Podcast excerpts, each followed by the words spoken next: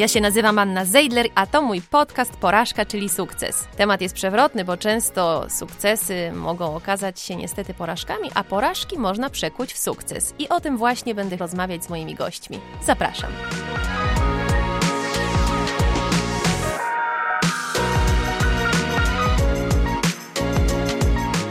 Dzień dobry. Dzisiaj moim gościem jest jedna z najbardziej znanych podcasterek w Polsce, Justyna Mazur. Dzień dobry. Justyno, Twoich podcastów słucha mnóstwo ludzi. Osiągnęłaś w tej dziedzinie ogromny sukces. Jakich rad udzieliłabyś takiej początkującej podcasterce jak ja? Myślę, że najważniejsze już masz, mianowicie masz jakąś rozpoznawalność, chociaż w podcaście najważniejszy jest głos. A skomplementowałam cię tutaj przed chwilą e, zupełnie spontanicznie, że masz bardzo piękny i jasny głos, więc to jest pierwsza rzecz. Druga rzecz, pomysł na podcast.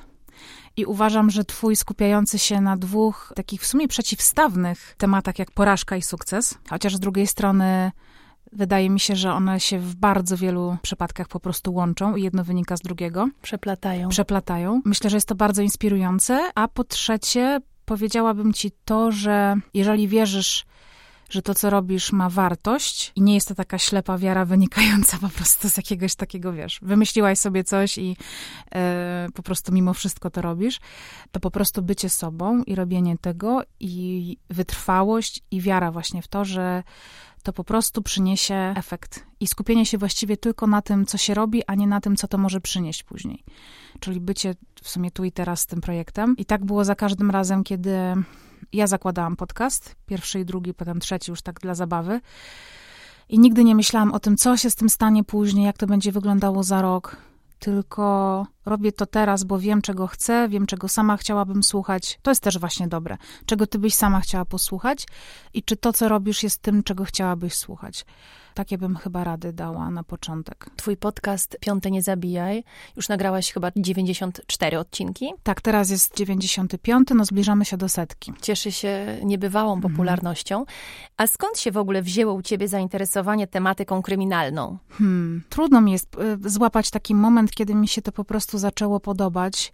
Wydaje mi się, że takim pierwszym momentem, kiedy złapałam siebie na tym, że w ogóle coś takiego oglądam, że mnie to interesuje, to są wakacje u dziadków, gdzie w pokoju, gdzie spałam, był po prostu telewizor, nad którym nie było nadzoru i były dwa kanały. I wtedy nie pamiętam, czy, czy było... Program 997. Oczywiście, że tak. Rekonstrukcja wydarzeń. Oczywiście. I w ogóle te, nie pamiętam, czy to były wtorki, czy czwartki, ale to było bardzo późno. Takie dość drastyczne sceny, ale wszystko z takim dreszczykiem właśnie, że to się dzieje gdzieś tutaj obok, że to się dzieje, no ja miałam wakacje u dziadków w okolicach Ostrowca Świętokrzyskiego, więc jak kiedyś usłyszałam o sprawie z Ostrowca, to mówię, Boże, to się przecież tutaj dzieje, nie? I właśnie to, że ta zbrodnia dotyczy takich zwyczajnych ludzi, że to nie jest y, kodzak, który śledzi, że to nie jest jakiś wielki przestępca, który po prostu jest przystojnym panem, nie wiem, z dynastii albo z mody na sukces, nie? Że to nie są tacy ludzie z jakichś konkretnych sfer, tylko że to są po prostu tacy, może to brzydko zabrzmi, przeciętniacy. To może I że być. to nie film, to życie, które Dokładnie się dzieje obok tak. nas. I że to się naprawdę dzieje. I potem co? No, stacja Discovery miała taki cały czwartek z kryminałem i tam były takie właśnie programy oczywiście amerykańskie o e, medycynie sądowej, jak się na przykład przez larwy można dojść do tego, kiedy ktoś zmarł i w jakim tam momencie, czy miejscu były zwłoki, no bla, bla, bla. Ale to też było dla mnie fascynujące, że to po prostu wcale nie jest takie proste ustalić, a że nauka może doprowadzić do tego. No i potem uczyłam się do matury, to już jest kolejny przeskok i musieliśmy czytać bardzo dużo tekstów e, w języku oczywiście angielskim dla osób anglojęzycznych. No i co, podręczniki zawsze były o globalnym ociepleniu, o kuchni, o wymianach i tak dalej. To jest po prostu nuda, nuda, nuda. I wpisałam sobie tak po prostu właśnie jakieś zabójstwo, żeby może coś przeczytać o takiej jakiejś, nie wiem, sprawie jakiegoś zabójcy, czy coś tak po prostu. I okazało się, że jest taka strona, nazywała się Crime Library i tam można było przeczytać właśnie wszystkie takie najstraszniejsze zbrodnie i ta, tak się obryłam do matury, że zdałam ją na 100% z angielskiego. E, na 99, przepraszam, nie na 100. A, A jak w ogóle znajdujesz te wszystkie mrożące krew w żyłach historie? Wiesz co, e, przez lata po prostu chłonęłam tych treści maksymalnie dużo. I jak przyszło co do czego, że musiałam nagle je odnajdywać do odcinków, to po prostu się okazało, że ja mam w głowie katalog. No, nie ukrywam, że jak zaczynałam w ogóle się tym już tak interesować, że po prostu tylko to byłam w stanie na przykład oglądać, bo tak mnie to fascynowało, wciągało i odciągało na przykład myśli od jakichś tam innych moich problemów. E, no to wchodziłam na różne strony, e, nie wiem, na przykład, e, znaczy nie będę podawała nazw, ale takie wiesz, gdzie tam po prostu ktoś ogląda, nagrywa z telewizora i wrzuca gdzieś tam, że można sobie pobrać. Więc ściągałam tych wszystkich programów, szczególnie polskich, no bo to mnie najbardziej interesowało, ale też zagranicznych. No i nagle się okazało, że po prostu mam w głowie taką całą bibliotekę spraw. A jesteś też w kontakcie, nie wiem, z policją, z dziennikarzami, z prawnikami? Z prawnikami bywam. Zasadę mam taką, jak robię odcinki do piąte nie zabijaj, to z racji tego, że zaczynałam działać sama, to nie chciałam robić śledztw. Poza tym nie mam jakby kompetencji też, żeby robić śledztwa dziennikarskie. Dopiero teraz się tego uczę przy takim nowym projekcie, który robię, ale też nie sama. Yy, więc wymyślałam sobie, że będę po prostu omawiała sprawy tylko z ogólnodostępnych źródeł, czyli z internetu, prasy, yy, książek, filmów, właśnie filmów dokumentalnych, programów. Yy, z jednej strony dlatego, żeby mieć po prostu zabezpieczenie, że to nie są moje informacje, tylko to zawsze już się wcześniej gdzieś pojawiło teraz ale po drugie to też uczy moim zdaniem researchu.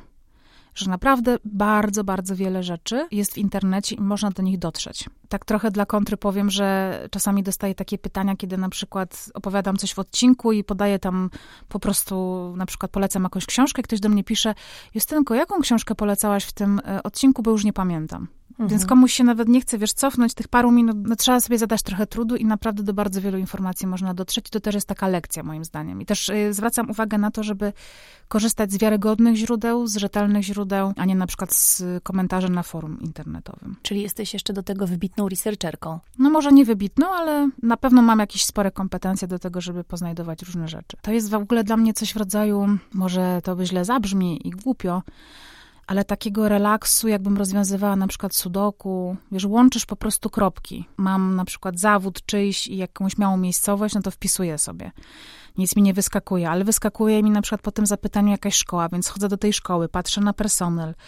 O, tutaj widzę kogoś o podobnym nazwisku, no to bach, szukam go na Facebooku. Wiesz, takie po prostu szukasz, szukasz, szukasz i to niesamowicie wciąga. I potem się orientuję, że jest czwarta nad ranem, ale ale gimnastyka umysłu, prawda? Totalna, totalna, tak. I to wszystko, te wszystkie ślady mam zawsze w głowie, jak do tego doszłam, nie? Że, ym, I to daje mi dużą satysfakcję, że to jest jakaś praca. Nie? No oczywiście wiem, że pewnie dziennikarze czy reporterzy mogą mieć z podcasterami kryminalnymi problem, ponieważ my często bazujemy na ich sprawie. E, no ale na przykład ja też zawsze mówię, skąd mam pewną informację, czyli na przykład jeżeli mówię o tym, że widziałam program, to mówię jego nazwę i mówię, jaki reporter przedstawiał ten odcinek, bo to jest praca tego reportera, a nie praca tego programu. No i nigdy też nie miałam takiej sytuacji, że ktoś się do mnie przyczepił, że po prostu korzystam z czyjejś pracy, że ją kradnę w jakiś sposób. I na to też uczulam, że nie warto się bawić w kogoś, kto ma te informacje od informatora, wiesz, w bramie, który się ukrywa w deszczową pogodę. Mm, no tylko też uznać pracę innych i pokazać właśnie, na czym polega zdobywanie informacji takich publicznie, tak zwany biały wywiad. O to się, to się też tak nazywa, nie? Że, e, że nie masz kontaktu z bezpośrednim człowiekiem, tylko z ogólnie dostępnych informacji. I to też jest niesamowite, jak wiele informacji na nasz temat jest w internecie. Hmm, to też taka przestroga. Przerażające trochę. No trochę tak, trochę tak. No też e, zawsze trzeba pamiętać, czym się dzielimy. E, granica naszej prywatności jest indywidualna. Każdy z nas ustala, co jest dla niego taką granicą prywatności, za którą już nie chce, żeby ktokolwiek jakby przechodził. No ale czasami możemy sobie na przykład nie zdawać sprawy, że zostawiamy gdzieś swój adres, swój numer telefonu, że na przykład wstawiając ogłoszenie do internetu o sprzedaży, nie wiem, gitary, zostawiamy swój adres domowy, telefon, pokazujemy wnętrze mieszkania, a to wszystko na przykład można wygooglować dzięki temu, że używamy tego samego maila, którego używamy na przykład do rejestracji na wszystkich portalach społecznościowych. Więc to są takie rzeczy, na które warto zwracać uwagę i dzięki którym ja na przykład zdobywam czasami cenne informacje. Cenne informacje tak. A spodziewałaś się w ogóle takiego sukcesu? Nie. Nie, w ogóle mówię zupełnie szczerze i bez kokieterii. Przede wszystkim nie spodziewałam się tego, że podcasty zrobią furorę taką, jaką robią teraz. Więc nie mogłam przewidzieć e, również tego, że po pierwsze odniosę no, mega sukces, gigantyczny sukces, myślę, że w tej branży, bo ja jestem cały czas w top 10 w ogóle polskich podcastów nie tylko kryminalnych, więc nie mogłam sobie w ogóle wyobrazić tego, jakie to będą liczby, jaka to będzie skala w ogóle i absolutnie się nie spodziewałam tego, że będąc w sumie tylko głosem, będę rozpoznawalna. A już na pewno nie spodziewałam się tego, że bardzo wiele ludzi będzie ze mną czuło jakąś dość silną więź w ogóle. Jakąkolwiek nawet nie myślałam, że będą czuć a oni czują dość silną więź. I przychodzą na spotkania, piszą do mnie w zaufaniu jakieś swoje życiowe tajemnice mi y, wyjawiają, więc to też jest takie w ogóle bardzo nobilitujące. Ja się czuję zaszczycona przede wszystkim. Sprawia ci to przyjemność, czy troszeczkę to cię obciąża jednak, że tak wchodzą w twoją sferę prywatną? To zależy, w jakiej ja jestem formie, bo czasami mam dużo siły, dużo energii, um, chce mi się wchodzić z kimś w kontakt, a czasami mam tak, że jestem sama przytłoczona swoimi rzeczami, mam bardzo na przykład y, gorszy czas, jeżeli chodzi o swoje zdrowie, bo jakby też nie jest tajemnicą, że ja choruję na, czy no, cierpię na zaburzenia lękowe i, i mam taką nawracającą depresję. Więc jeżeli jestem w tym gorszym momencie, to kiedy dostaję jeszcze maile, gdzie ktoś mi pisze o tym, że jest mu bardzo źle, że ma bardzo duży problem życiowy, to ja po prostu potem tym przede wszystkim jakiś bardzo źle się czuję, to nauczyłam się tego, że tych maili po prostu nie czytam albo czyta je moja siostra, która ma dostęp do skrzynki. I filtruje te informacje, mhm. które może ci podać? Tak, tak, tak. Więc y, to też przepraszam, jeżeli jak kiedyś, kiedyś po prostu komuś nie odpisałam. Te maile są w ogóle skatalogowane, więc być może kiedyś do nich wrócę. Mm, no ale czasami życie takim cudzym problemem jest przytłaczające. Nie? A od kiedy chorujesz na depresję? Y, oficjalnie myślę, że od 2012 roku. Wtedy miałam tak jakby zdiagnozowane takie epizody depresyjne, które powracają. Potem chodziłam na psychoterapię, ale moja psychoterapeutka nie była psychiatrką, czy psychiatrą, y, więc też nie leczyłam się psychiatrycznie, więc też nie miałam diagnoz. Mm, no i tak to wszystko wróciło z bardzo dużą siłą w 2019 roku, kiedy już poszłam do psychiatry. Y, no i okazało się, że to, to jest i depresja, i zaburzenia lękowe z przeważaniem jakby tych zaburzeń lękowych, które powodują takie stany depresyjne. No więc od trzech lat leczę się psychiatrycznie, biorę leki, chodzę na terapię. Y, raz w miesiącu się spotykam właśnie z moją panią psychiatrą. Mm, no i tak staram się to mieć pod kontrolą. I to jest w sumie czasami nawet jedyna rzecz w swoim zdrowiu, o którą zdarza mi się dbać. Czy w sensie, jak jest źle, to, to na przykład odwołuję dentystów i tak dalej. Źle robię, wiem o tym, ale psychiatrę nigdy nie odwołuję. To traktujesz jako priorytet? Kompletny. To chyba też nie jest jedyna choroba, z jaką się zmagasz? Tak, to nie jest jedyna choroba. Y, jeszcze choruję na otyłość. I też to jest taka. Ja czasami uważam, że to jest źródło wszystkiego, a z drugiej strony to jest y, wierzchołek wszystkiego.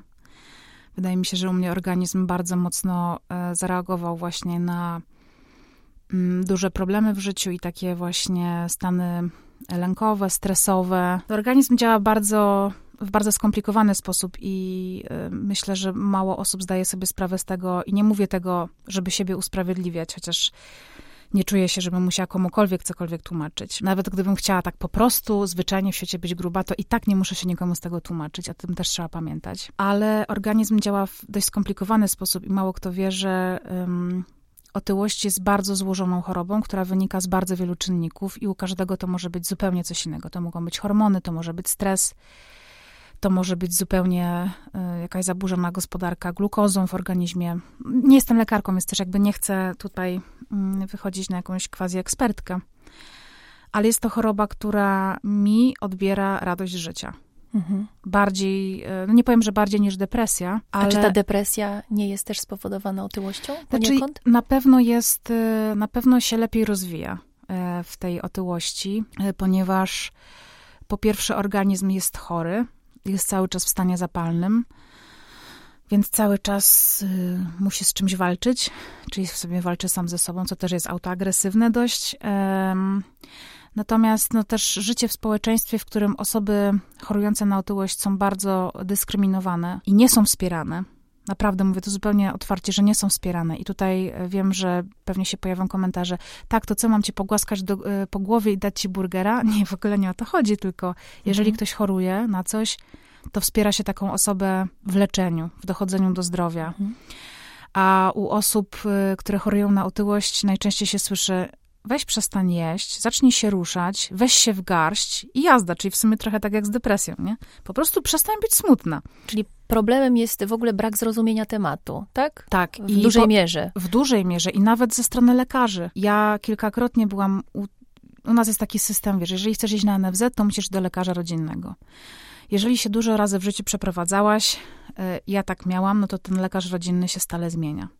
Więc cały czas chodzę, chodziłam do jakichś innych lekarzy rodzinnych i musiałam im wszystko przedstawiać. I zawsze dostawałam tę samą oczywiście diagnozę na wszystko. Pani tak e, się czuje, bo pani jest po prostu gruba. Trzeba schudnąć, przede wszystkim 20 kilo, trzeba zacząć się ruszać, trzeba zdrowo jeść. A ja na przykład jechałam przez rok na sałatkach. Nie? Znaczy, no, oczywiście też jadam inne rzeczy, ale nie jadam chipsów, nie wiem, nie opychałam się i tak dalej a ta waga cały czas wzrasta i nawet czasami doproszenie się o skierowanie na badanie, takie jak na przykład krzywa cukrowa, której nie każdy chce, którą nie każdy chce wykonywać bez e, skierowania od lekarza, ponieważ jest to dość obciążające badanie. E, tutaj mówię o trzustce. Mm, to też jakby trzeba się o to naprosić, nie? I ktoś ci mówi, ale po co pani takie badanie? Wystarczy, że pani będzie mniej jadła i co pani się chce dowiedzieć z tego badania? I na przykład ja przechodziłam przez takie e, super wizyty Albo ktoś, kiedyś lekarka mi powiedziała, no i co, że pani sobie zrobi to badanie, jak pani tak będzie wyglądać za 15 lat, to pani umrze. I ostatnio była moja bardzo dobra znajoma, u bardzo dobrego profesora, który zajmuje się leczeniem otyłości. Usłyszała dokładnie to samo. Za 15 lat pani umrze. Od lekarza? Od tak? lekarza, który zajmuje się jakby leczeniem otyłości i ona tam nie idzie dlatego, że ona nie wie, że jest otyła, tylko ona tam idzie po pomoc, a lekarz mówi, pani umrze za 15 lat.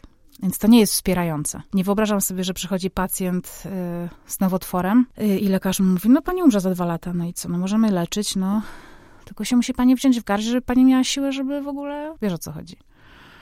Mm, myślę, że wciąż osoby otyłe, znaczy choro, osoby chorujące na otyłość yy, po prostu są bardzo często obwiniane za to. Natomiast na otyłość może zachorować każdy. Nawet ty możesz jutro zacząć chorować na otyłość, to znaczy, że twój organizm przejdzie w jakiś taki dziwny stan metaboliczny, że, że zawsze już będziesz miała z tym problem. A ty powiedziałaś, że te osoby są obwiniane za tę otyłość. Ty się czułaś winna, że jesteś otyła? Ja do tej pory czasami mam takie, łapię się na tym, że, że się czuję winna za to, e, z tego powodu. I jeszcze wciąż często w głowie mi się pojawia takie myślenie, że ja w ogóle muszę przeprosić, tak jakby, że sorry, że tak wyglądam, nie, ale... Kogo chcesz przepraszać za to? Na przykład y, kiedyś poszłyśmy na imprezę z moimi przyjaciółkami, które mnie akceptują taką, jaką, jaka jestem.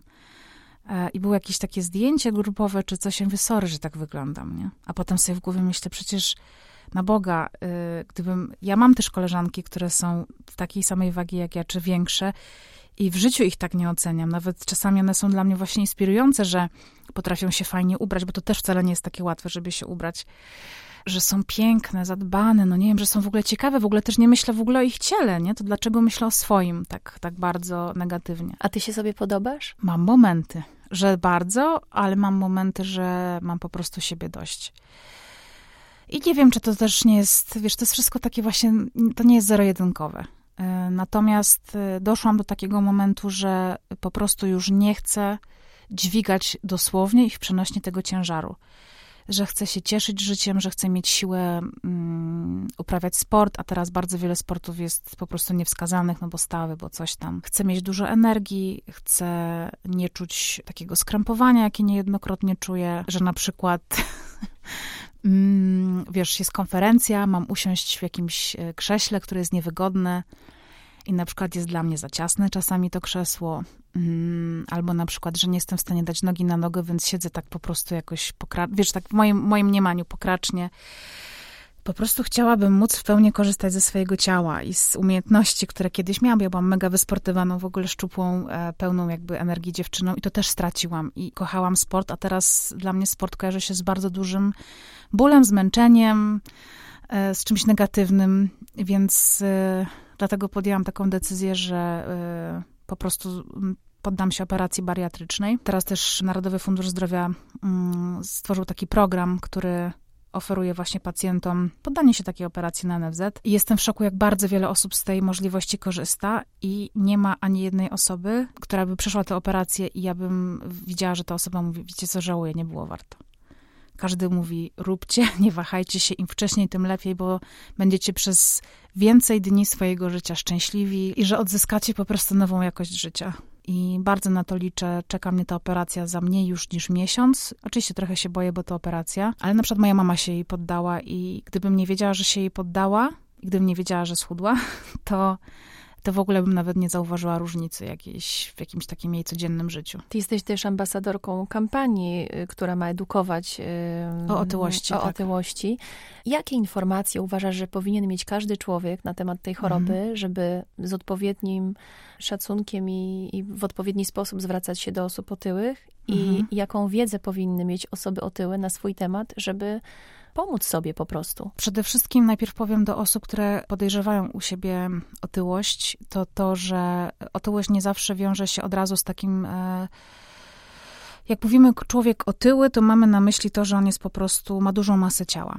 A czasami osoba chorująca na otyłość może już dawno być szczupła, a wciąż jakby jej organizm funkcjonuje w tym takim trybie otyłości. Tylko na przykład ta osoba się leczy cały czas, żeby mieć to po prostu pod kontrolą. Więc po pierwsze chciałabym tym osobom powiedzieć, że to jest choroba, że są lekarze, którzy zajmują się tylko i wyłącznie leczeniem tej choroby. Oczywiście tak holistycznie jakby też są ekspertami od chorób wewnętrznych i tak dalej.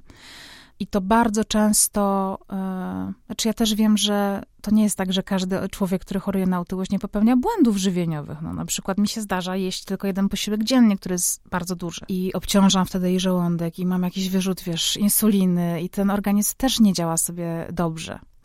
Ale każdy z nas popełnia takie błędy. Grunt to wiedzieć, co można zrobić, co można otrzymać od medycyny w tym zakresie. Są leki, które leczą otyłość, są leki, e, są takie specjalizacje jak endokrynologia, jak, bari, e, jak bariatria, właśnie jak e, hipertensjologia, czyli zajmująca się e, nadciśnieniem na przykład, czy są, nie wiem, to diabetolodzy. I czasami zespół takich lekarzy kompleksowy, który działa nad jedną chorobą, jaką jest otyłość, czyli chyba E66, to jest, ale chyba taki jest kod tej choroby, po prostu sprawia, że taka osoba za rok nie będzie już miała objawów, będzie ta choroba po prostu to, pod totalną kontrolą i organizm po prostu będzie zdrowy. Więc to bym chciała powiedzieć osobom, które chorują, a osobom, które po prostu nie mają dużej świadomości, no to mniej więcej to samo, że to jest choroba, to po pierwsze. Że osoby grube wiedzą, że są grube. Nie trzeba im o tym mówić. One mają lustro, mają wagę, że te osoby się zmagają z bardzo dużą presją społeczeństwa, nawet od osób najbliższych bardzo często. Ty też się zmagałaś z taką presją? Ojej, oczywiście, że tak. No, zanim poznałam swojego męża, to i ważyłam w ogóle 30 kilo mniej chyba. A ile teraz ważysz? To jest tajemnica, czy możesz e, Nie, powiedzieć? to nie jest tajemnica. Ja ważę 108 kg teraz. Mm, I powiem tylko tyle, że to 8 przytyłam w ciągu ostatniego roku absolutnie nie zmieniając trybu życia. Waga mi się trzymała w jednym miejscu przez 3 lata i po prostu nagle nie zmieniając niczego skoczyła o 8 kilo, więc... E, więc zadając kolejny rok i kolejny rok i kolejny rok, można sobie łatwo policzyć, co się może wydarzyć. To pamiętam takie, wiesz, rady od babci, Justynko, to naprawdę musisz schudnąć, bo ty męża nie znajdziesz, nie? No właśnie, ale znalazłaś męża i jak twój mąż ciebie odbiera? I on twoją otyłość? Wiesz co, no on nie akceptuje. My też oboje nie jesteśmy szczuplakami. My mamy taką y, jakby wiedzę na swój temat, że, że coś jest nie tak. No i zaczęliśmy się po prostu, zaczęliśmy chodzić do lekarzy. I zaczyna to wyglądać lepiej. Y, to też nie jest łatwe. Ja też nie będę akurat tutaj mówić za mojego męża, ale wiem, że są takie związki, w których kiedy ludzie w nie wchodzą, to już jakby ta otyłość jest bardzo widoczna na przykład, czy jest zaawansowana. U nas tak nie było i ja też chcę podkreślić E, szczególnie wszystkim osobom, które na przykład zmagają się z problemami takimi e, no, z własnym ciałem, czyli na przykład z taką właśnie małą mobilnością, z, ze spadkiem na przykład, nie wiem, libido, czy na przykład z takim brakiem akceptacji ze strony czasami partnera, no bo to ciało się zmienia. E, seks y, ciężkiej osoby jest seksem z ciężką osobą, z taką po prostu, mówię, fizycznie ciężką. To się wszystko da zrobić, ale to wszystko się zmienia i to wcale nie jest takie proste. Ja naprawdę szczerze mm, wiem, że teraz naprawdę się narażę działaczkom e, takim ciało pozytywnym, ale związanym tak ściśle z otyłością. Dla mnie body positive to jest jakby ruch akceptacji własnego ciała i w ogóle robienia wszystkiego dobrego dla swojego ciała, włącznie z, le z leczeniem tego ciała, jeżeli ono jest chore. Trudno jest mi uwierzyć, że osoby z drugim, trzecim stopniem otyłości dobrze się czują ze swoim ciałem. Ale wiesz co, ty w swojej książce Małe końce mhm. świata wspomniałaś, że nawet kiedy ważyłaś 57 mhm. kilo, a nie 108, mhm. to twój ówczesny chłopak nazwany Jackiem w tej książce tak, tak, tak. też wymagał od ciebie, żebyś To było schudła. 47, wtedy a 47, 47 tak? tak? I też nie czułaś się nie. dobrze w swojej skórze, także nie zawsze jest to tylko i wyłącznie kwestia wagi. Czasami jest to kwestia tak. postrzegania własnej osoby, prawda? Ja się czułam paradoksalnie wtedy mniej atrakcyjna niż teraz się czuję. Mm, bo teraz mam też świadomość, no pewnie jestem też dojrzalsza, ale mam świadomość swoich plusów, tego, kim ja jestem jako osoba, że nie muszę nikogo zadowalać, że nie może być tak, że gdyby mój mąż mi dzisiaj powiedział, albo zrzucisz brzuch, albo się rozstajemy, no to po prostu mówię, dobra, to się rozstajemy, no skoro na tym ma być oparte nasze małżeństwo, Czyli zawsze jest to kwestia poczucia własnej wartości, a nie tak naprawdę kilogramów. Te kilogramy warto zrzucić z uwagi na zdrowie, prawda? Tak, no też fizyczność, myślę, że ciało z psychiką jest bardzo połączone. Nie myślę, tylko wiem, że tak jest. Ja wciąż tę drogę odkrywam, więc też nie mówię z, z punktu widzenia osoby, która wszystko już na ten temat wie. No ale chory organizm to jest chory organizm. I wiem, że są osoby, które są plus size, są otyłe i świetnie sobie radzą ze sportem, uprawiają jogę. I jeżeli one się czują ze sobą dobrze, to jest wspaniałe. Natomiast ja sama wiem, jak wiele ciało osoby otyłej odbiera możliwości osobie otyłej. Rozumiem jakie, wiesz, no nawet... No, jakie narzuca ograniczenia. No totalne, no wiesz, mhm. to jest takie czasami nawet głupie, wiesz, wiązanie butów, e, nie wiem, mycie się pod prysznicem, gdzie chcesz po prostu się gdzieś tam dosięgnąć, a to jest takie trudne. Oczywiście można się rozciągnąć ale wciąż nie schylisz się tak bardzo, bo barierą jest na przykład brzuch. Poza tym, no, dźwiganie tych kilogramów wpływa na stawę, na, na gorsze samopoczucie, szybciej się człowiek często męczy. Myślisz, że twoje życie się zmieni po operacji? Na pewno się zmieni po operacji. Jak sobie to wyobrażasz? Jak dzisiaj o tym myślisz? Ojej, um, że przestanę myśleć yy, o ciele. Jak... A myślisz o nim cały czas? Tak, cały czas. Nawet dzisiaj, jak się do ciebie szykowałam, to miałam tak, dobra, to włożę się, y, ubiorę się na czarno, bo to jest zawsze takie bezpieczne, ale jestem teraz po tak wyczerpującym tygodniu, że zadzwoniłam dzisiaj do Dominiki, która jakby nad nami czuwa i mówię tak, czy będzie film? Dominika mówi nie. Ja mówię, czy mogę przyjść w dresie? Tak, możesz przyjść w dresie. Ale będzie zdjęcie, więc chociaż, chociaż się pomaluję. Mówię, spoko, twarz to jest luz, tylko po prostu co ja tam gdzieś mam na sobie. Chciałam się dzisiaj po prostu czuć na luzie i na przykład dzisiaj się czuję dobrze. E, ale przedwczoraj się czułam źle, a no wyglądam cię, super. No właśnie cię chciałam zapytać o to, w jakiej formie psychicznej teraz jesteś? Całkiem okej. Okay. Jest całkiem okej. Okay. E, miałam bardzo, bardzo duży taki epizod depresyjny na początku tego roku i po prostu dostałam dodatkowe nowe leki. A był on czymś spowodowany, czy ta depresja pojawia się po prostu nie wiadomo skąd? Myślę, że przepracowanie. Mm, ja też wpadam w takie czasami ciągi pracy, zazwyczaj w grudniu. No a tak właśnie od stycznia, jak już to wszystko minęło, no to, to, to organizm chyba sobie zaczął trochę od, odchorowywać to, co e, narzuciłam na siebie. Ten nadmiar bodźców. Nadmiar bodźców, więc wtedy się zaczyna takie odsypianie tego, no ale jak to odsypianie trwa dłużej niż 2-3 dni i się przeciąga do 3 tygodni, no to już nie jest ciekawie, nie? Więc czasami to jest po prostu połączonych jest kilka rzeczy. A na przykład teraz bardzo dużo robiłam i starałam się codziennie mieć ten czas dla siebie, że jakby miałam w głowie nie przedobrzyj, nie przesadź, bo będzie znowu ciężko. I też otwarcie w ogóle mówię na przykład, że ja muszę się wyspać codziennie. Każdy człowiek oczywiście, ja wiem, że musi wstawać do pracy i nie każdy ma taką możliwość. No ja mam i, i jakby korzystam z tego. Jeżeli na przykład mam iść na jakieś wystąpienie, to też się 20 razy zastanawiam, czy satysfakcja z tego równa się kosztowi, które za to poniosę, nie? A te wystąpienia tyle cię kosztują? Mhm. Mnie w ogóle spotkania z, z ludźmi bardzo wiele kosztują takie właśnie publiczne. Nawet nie Taka takie... rozmowa dzisiaj cię dużo nie, kosztuje? Nie, to, to, to mnie właśnie nie kosztuje dzisiaj, bo wiedziałam, że będziemy rozmawiać na takie tematy miękkie. Poza tym jakby ciężar prowadzenia tej rozmowy leży po twojej stronie, więc już jest ze mnie zdjęta ta presja. Poza tym y, lubię cię i wiem, że ty mnie już jakby, jakoś znasz, no bo zapraszasz mnie do swojego odcinka, ale w momencie, w którym ja na przykład mam pojechać, tak jak ostatnio, na konferencję, gdzie jest mnóstwo ludzi, których ja nie znam i wtedy na przykład kończę jakieś wystąpienie, schodzę z tej sceny i mam się odnaleźć w tym tłumie, którego nie znam, co ja mam wtedy robić, to jest dla mnie strasznie stresujące. A jest ktoś przy tobie, kto czuwa nad tobą, nad tymi twoimi nastrojami, nad tym, żeby właśnie nie stała ci się w no, cudzysłowie krzywda pewnie gdybym, emocjonalna. Tak,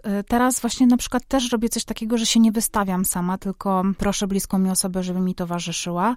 Pewnie gdyby mój mąż akurat w, tym, w ten weekend nie jechał na wieczór kawalerski swojego przyjaciela, to on by ze mną pojechał, ale pojechała ze mną moja siostra i moja menedżerka. E, z czego menadżerka jeszcze robiła inne rzeczy, więc, e, więc była ze mną cały czas siostra i też na przykład jednego dnia jej się nie chciało iść tam na jakieś wystąpienie i mówi tak, mogę zostać? w pokoju. Ja mówię, dobra, no możesz, to już jest któryś tam dzień tej konferencji, więc sobie dam radę. Ona mówi, no dobra, ale będzie ci milej, jak z tobą pojadę? Tak, będzie mi milej. Dobra, to jadę. Więc to też jest takie, fajnie jest po prostu wiedzieć i rozumieć siebie i nie wstydzić się właśnie prosić o pomoc, bo nasi bliscy naprawdę nas bardziej kochają, niż nam się wydaje. Święte słowa. No, Długo ci zajęło uczenie się proszenia o pomoc? 200 tysięcy lat. bardzo długo, bardzo długo. Za długo. A kiedy czujesz się szczęśliwa, powiedz? Czuję się szczęśliwa, jak wracam do domu. Wczoraj się czułam bardzo szczęśliwa, bo mnie w tym domu nie było prawie dwa tygodnie i nie widziałam się też z mężem dwa tygodnie. I tak właśnie jak e, przyjechałam do tej Warszawy, poszliśmy sobie na obiad i tak po prostu nareszcie jestem tutaj. Cieszę się, jak kończy się dzień i mogę tak po prostu się położyć w swoim bezpiecznym łóżku, też obok oczywiście męża, że nie, czasami nawet ze sobą nie rozmawiamy, ale jesteśmy obok siebie. Czuję się bardzo szczęśliwa, kiedy widzę moich siostrzeńców. No i czuję się szczęśliwa, kiedy mi się coś po prostu udaje. No, Sukcesy są Motywujące? motywujące, chociaż też są e, sukcesy niesamowicie, niesamowicie stresujące. I sukces to jest z jednej strony motywacja, z drugiej strony gigapresja, bo skoro udało mi się coś zrobić bardzo dobrego, no to co następnym razem? Muszę to przebić, nie? Poprzeczka Coraz wyżej. coraz wyżej. Tak. A co uważasz za swój największy sukces? Osobisty to nieschrzanianie związku z moim mężem, bo nie miałam dobrych związków wcześniej i myślę, że jakoś bardzo podświadomie, odpowiedzialnie do tego związku podeszłam, bo też wielu rzeczy się jakby nauczyłam w trakcie, ale nie miałam czegoś takiego, że jak było trudno, to uciekałam, tylko tak mówiłam sobie zawsze, poczekaj, zobaczymy, co się wydarzy. Zawsze przecież można. Czy też nigdy nie było tak, że, że chciałam odchodzić, no ale no, umówmy się, czasami są takie momenty, że kurde, co ja tutaj w ogóle robię, nie? Że, mm, Czepiamy się, a dlaczego nie, prawda? Tak, No. dokładnie, tak, tak, tak. Więc dużo dałam e, sobie takiego czasu na to, że się w tej relacji odnaleźć i, jesteśmy cały czas razem. Więc Czyli ta cierpliwość w jakimś sensie, Tak, można ale powiedzieć, wiesz że co, jest tak. sukcesem. Tak. I tak samo powiedziałabym, że z tym wszystkim, co robię w internecie, to też jest cierpliwość. Bo najpierw był blog i bloga też pisałam długo, potem była nagroda i paradoksalnie ta nagroda była końcem bloga. W sensie jakby była takim pikiem totalnym i potem nagle wszystko się gdzieś tam... No pół roku po nagrodzie poznałam męża, a jak poznałam męża, to już jakby nie chciało mi się pisać smutnych rzeczy. Po prostu przestało mi być smutno. Też przestrzegam, że to nie jest tak, że znalezienie mężczyzny w życiu kończy wszystkie smutki. Nie, ale u mnie jakby to było bardzo takie, że zaczęłam tak po prostu żyć po swojemu wtedy. E, No i blog się skończył, więc bardzo też cierpiałam nad tym, że to taka porażka, nie? że nie wykorzystałam tej szansy i tak dalej. I po, nie wiem, roku od za zamknięcia tego bloga, nawet tak nieoficjalnie, ale po prostu już tam nic nie pisałam, założyłam podcast. I też czekałam, myślę na to. W sensie dałam sobie taki czas, że zobaczymy, co się dalej wydarzy, więc nie palę mostów, nie odcinam się, tylko po prostu czekam. I to czekanie doprowadziło do pierwszego podcastu, czyli Pogadajmy o życiu. Potem się narodziło Piąte Nie Zabijaj. I też dałam sobie jakiś taki czas, że zobaczę, jak się będę w tym czuła, zobaczymy, co się dalej wydarzy. No i po roku od założenia e, mogłam rzucić pracę i już tylko to robić. Myślę, że ta cierpliwość jest bardzo ważna w życiu w ogóle. A wspomniałaś też o porażce. Co dzisiaj uważasz za swoją największą porażkę? Nieskończone studia, ale to nie jest taka porażka, która mi bardzo przeszkadza w życiu, chociaż naprawdę zachodzę w głowę, jakim cudem po prostu tych studiów nie skończyłam, chociaż mam tysiąc odpowiedzi na to, bo wiem, dlaczego ich nie skończyłam. Ale że naprawdę ja nie dałam rady i to jest takie, nie wiem, czy kiedykolwiek wrócę na studia, ale że ja nie przeżyłam tej obrony magisterki, wiesz, takich, y, tej pracy nie napisałam nigdy. Mm, Że nie miałam tej takiej czapeczki. Więc jakby to jest coś, czego mi brakuje. Pocieszę cię. Obroniłam pracę i też nie miałam czapeczki. O, ale to gratulacje, gratulacje, że jesteś magistrem. Em, Ale bez czapeczki, więc No bez czapeczki. sama widzisz.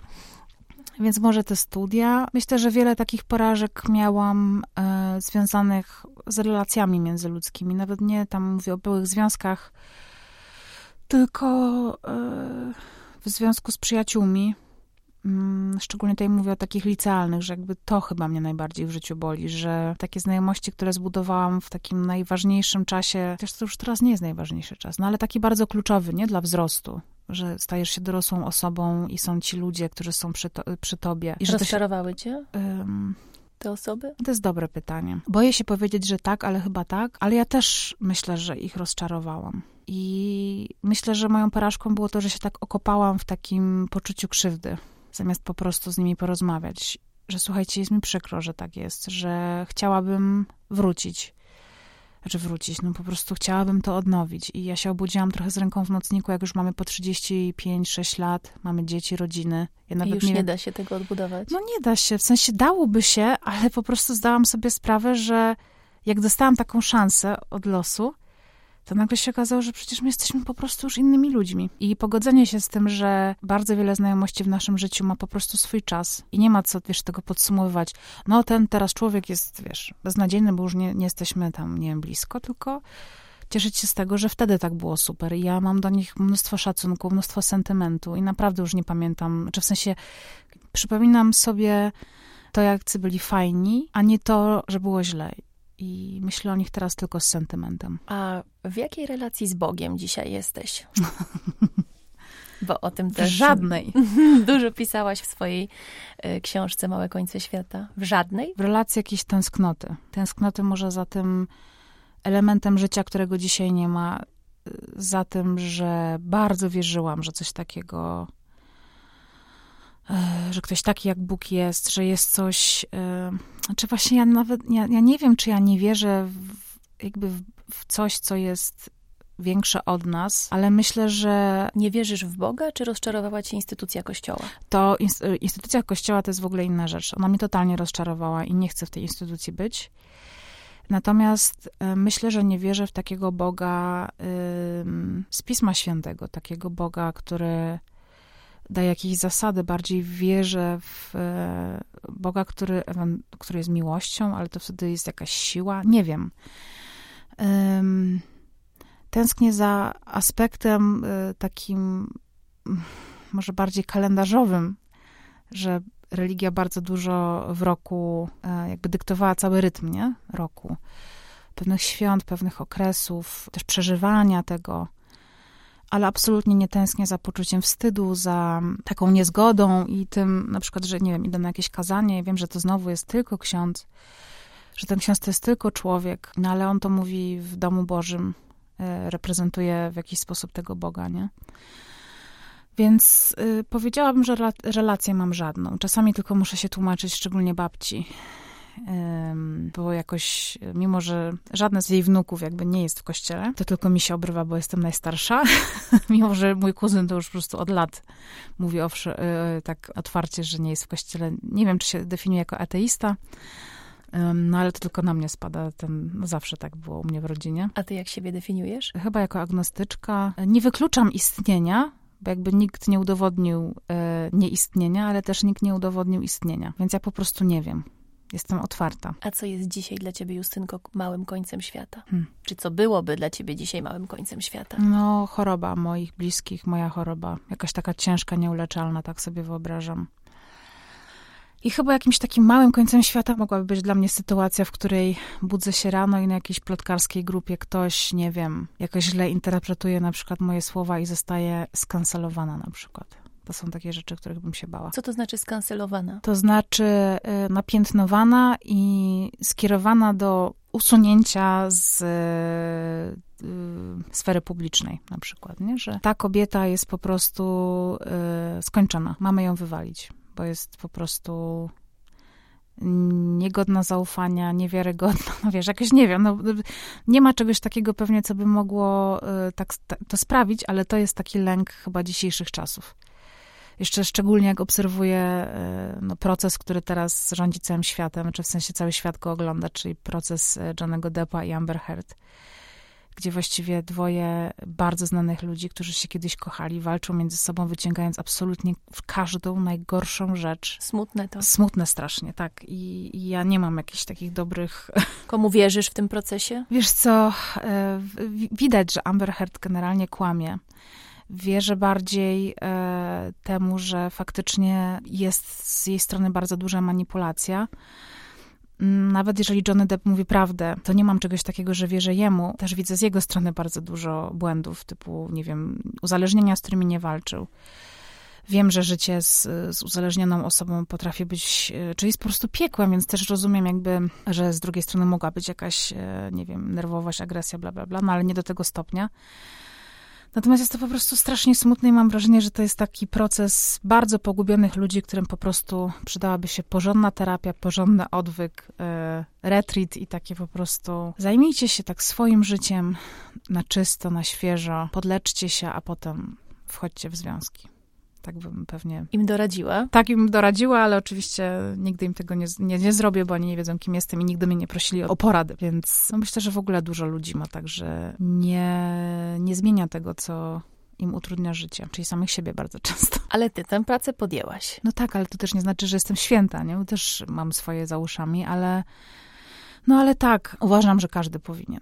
Znaczy wiem, że nie każdy się nadaje na terapię, ale każdy powinien kiedyś pójść na konsultację psychologiczną, szczególnie w trudnych momentach swojego życia. Czasami można wpaść w taki kołowrotek, który e, potem sprawi, że dużo siebie nadużyjemy, albo zapomnimy o pewnych rzeczach, albo stłumimy jakieś emocje, one potem wrócą mm, pod jakąś inną postacią w momencie, w którym się nie będziemy spodziewać i... I uderzą ze zdwojoną siłą. Tak, dokładnie. Czego ci mogę życzyć, Justynko, na koniec? Zdrowia i tego, żeby się wszystko udało e, po operacji, żeby być może jak się kiedyś spotkamy znowu, to żebym ci powiedziała e, o tym, że moje życie jest lepsze niż było dzisiaj. To tego właśnie ci życzę.